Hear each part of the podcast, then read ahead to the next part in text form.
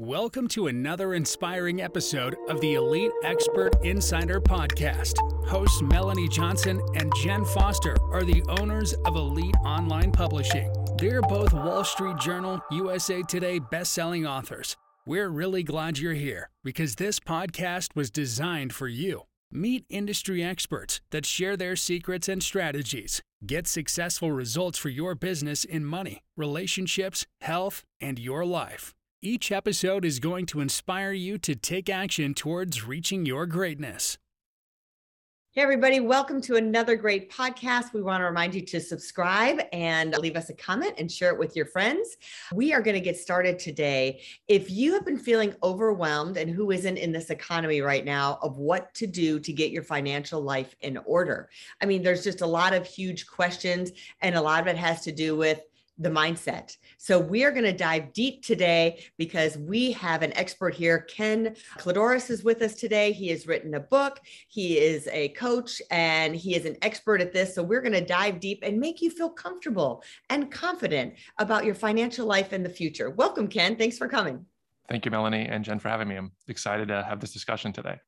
Yeah, well, Ken, tell us a little bit about your background and how you got into the space you're in today with the coaching. Yeah. So for the last decade, I'm a financial advisor. So I do have that expertise in wealth management and money. And then in my personal kind of journey, you know, I started to do some personal development and really take my life to the next level. And through that experience, family and friends obviously would ask me, like, hey, what are you doing? You seem so different.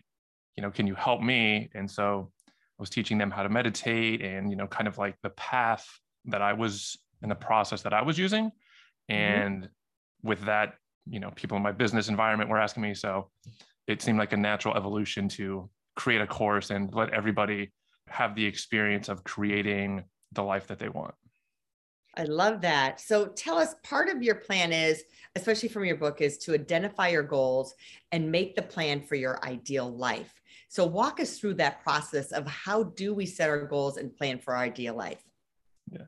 Well, whether it's financial goals or just general life goals, I found that most people actually don't know what they want. They know what they don't want, but they don't know clearly what they want. And so taking the time to identify what what are your core values? What are the things that bring you happiness and joy and what do you want to experience in your life and getting really clear on those things, you can create an actual goal and then start to figure out okay, what do I need to do to get from where I am today to that ideal life or position and then start to create a game plan to move forward. I like that because if you don't have a plan, you're never going to get there, right? If you don't know your destination, how exactly. are you going to get there? I think that's great. How do you find, like I see in your book, it's called Get There, but it's the passion and purpose. So, how do you know, like, you might have a passion for something, but how do you find that purpose or have that, find that thing that you're really good at or that purpose of that's going to help you move forward to your goal? Yeah, I mean, I guess there's a separation between finding your purpose and your passion and like what you do for a career. Mm-hmm. I think a mm-hmm. lot of people think that they have to be one and the same, but your career can finance, right, your passions and you can find different ways to give back. So again, I think it's just, you know, finding your mental stillness and your clarity to identify what are your core values and what are the things that again bring you happiness and then just starting to do more of those things while at the same time eliminating the things that take away from your happiness or your life or you just kind of struggle through and you mm-hmm. just slowly start to shift up into that person you want to be. Yeah i like that you said that because i think a lot of times people think like their job has to be their passion or their job has to be their purpose which i like that you said it, it doesn't have to be like who said right? Like yeah. you said that it has to be together. Have your passions, what you like and what you want to do and what your goals are and then have the money and the stuff that drives you to that. Exactly you know, it's kind of like, I guess if you were like, when I wrote my book, and I'm sure you guys coach the same thing, right? It's like, you don't start with the entire book, right? It's okay, you come up with some ideas, what you want to talk about, and you start to develop those ideas and topics. And as you do that enough, like then you've created an entire book. And it's the same thing in your life, right? You think of goals in each area, you expand them, and next thing you know, your life is what you want. It's your masterpiece That's great that you said that because it goes along kind of with my next question. You say your goals are at one day at a time. So, so many people, they look, I always tell people, you know, you're looking at the whole staircase, you're standing at the bottom of Empire State Building, you're looking up and you're like, there's no way. And it is the same thing with the book. They're like, I got to write this whole entire book but go through your process of doing it one day at a time. It seems so refreshing. Then you're not as overwhelmed. Yeah. I mean, I guess I just kind of share about my book writing experience because for me, obviously being on the finance side, writing isn't one of my strong points, or mm-hmm. I used to think that.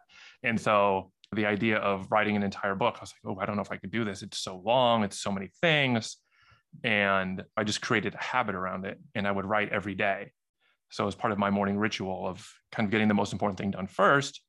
And each day I'd write and, you know, fast forward, next thing you know, like there's an entire book there ready to go. Mm-hmm. And that's how I do all goals. Cause again, right, if your financial goal book, whatever it may be, you have to start somewhere and it's where you are right now because that's where you're starting from.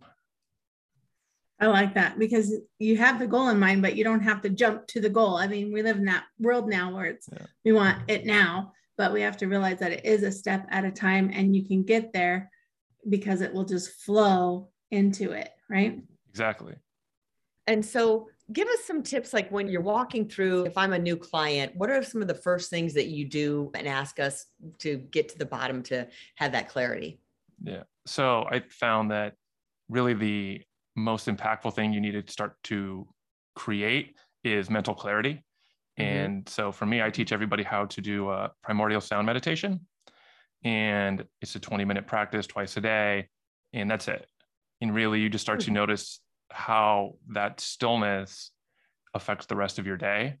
And then from there, once you've created enough stillness, then we start asking questions like, again, what are your core values? What about that is important to you? And really digging deep into who you are and who you want to be.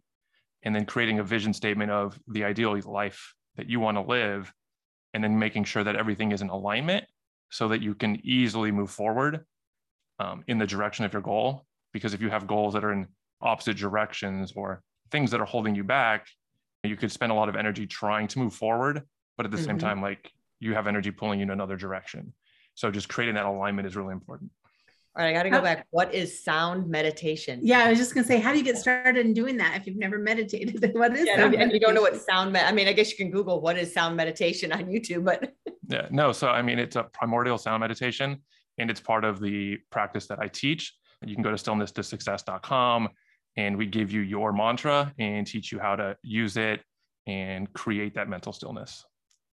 Okay, so it's not a music thing that's listening, you're listening to in the background that's like Reiki high frequency no. thing. No. So no. it's a mantra that you have that you're creating and that you're saying to yourself or focusing on for 20 minutes. Exactly. Okay. Oh, I like that. Yeah. Yeah. Because someone who's never meditated before, it's like, what is a sound meditation? What does that even mean? So I love that. So you actually teach how to do this sound meditation and then you can get clear. I like how you said you can just be like, you can get in the stillness. Yeah. So I think as entrepreneurs and as busy business owners, we just get in like a fast paced mood or mode. And then it's hard to get into that stillness. Exactly. Mm-hmm. And like back when I was, before I started meditating, I was that person, right? That little OCD, stressed about everything, had to control everything, move on to the next thing. Right. And I was always busy and like exhausted. And it wasn't until I took the time to step back, create that stillness, that I realized I didn't need to be doing everything that I was doing prior and that I could be more intentional with what I was doing and create even more success from a place of happiness. Mm-hmm. So once they get to this place and they start to have clarity, and what's the next step after that? Yeah, I mean, again, identifying core values, identifying what it is that you truly want, crafting a vision statement that is meaningful to you, that'll mm-hmm. create momentum for you to get up every day and actually mm-hmm. do the work. Um, and then from there, creating one year goals. Because mm-hmm. I've found that people most of the time on a one year goal, they know what they need to do to achieve it. They're just not mm-hmm. doing it. So we have them write that out and then create the steps necessary from where they are today to create the success they want in one year. So it's kind of like a step by step process. Yeah. So you have them write their goals and get the one year. Do you do five year after that, or you just stay with the one year and just focus on that? I mean, when it's just a specific goal, yeah, it's the one year, but the vision statement and the overarching like goals for the entire life are still there. Right. But people get overwhelmed when they don't know all the steps, right? Mhm. And kind of get analysis paralysis. Um, and then they don't do anything. So right. I And found sometimes that- you unfocus on that too, because you Yeah. do feel like it is the top of the Empire State Building and you can't Yeah. get there because it's so like Mhm. far away. exactly. Do you have certain techniques? So many people struggle with fear and anxiety, and that's what holds them back. Do you have certain techniques uh, beyond what we already talked about to help them get past their fear? Yeah, so we are uh, certified coaches as well, obviously.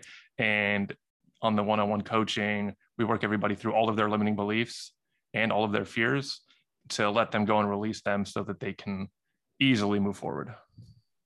Well, that's really good. Yeah. Because I think a lot of times, like I notice in your book, you say you can you give yourself permission to have the life you want, which I Yeah. think a, a lot of times people think they don't deserve it or they have some limiting belief that they someone told them in their childhood that they could never drive a certain car, be a certain way, or live on a sailboat or whatever their dream is, Yeah. right? Yep.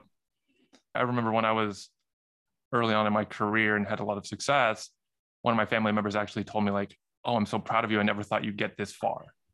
Mm-hmm. And that kind of stuck with me because I was like, I don't really feel like I've gone that far yet, but like everybody else thinks I'm above where they were expecting me to eventually get.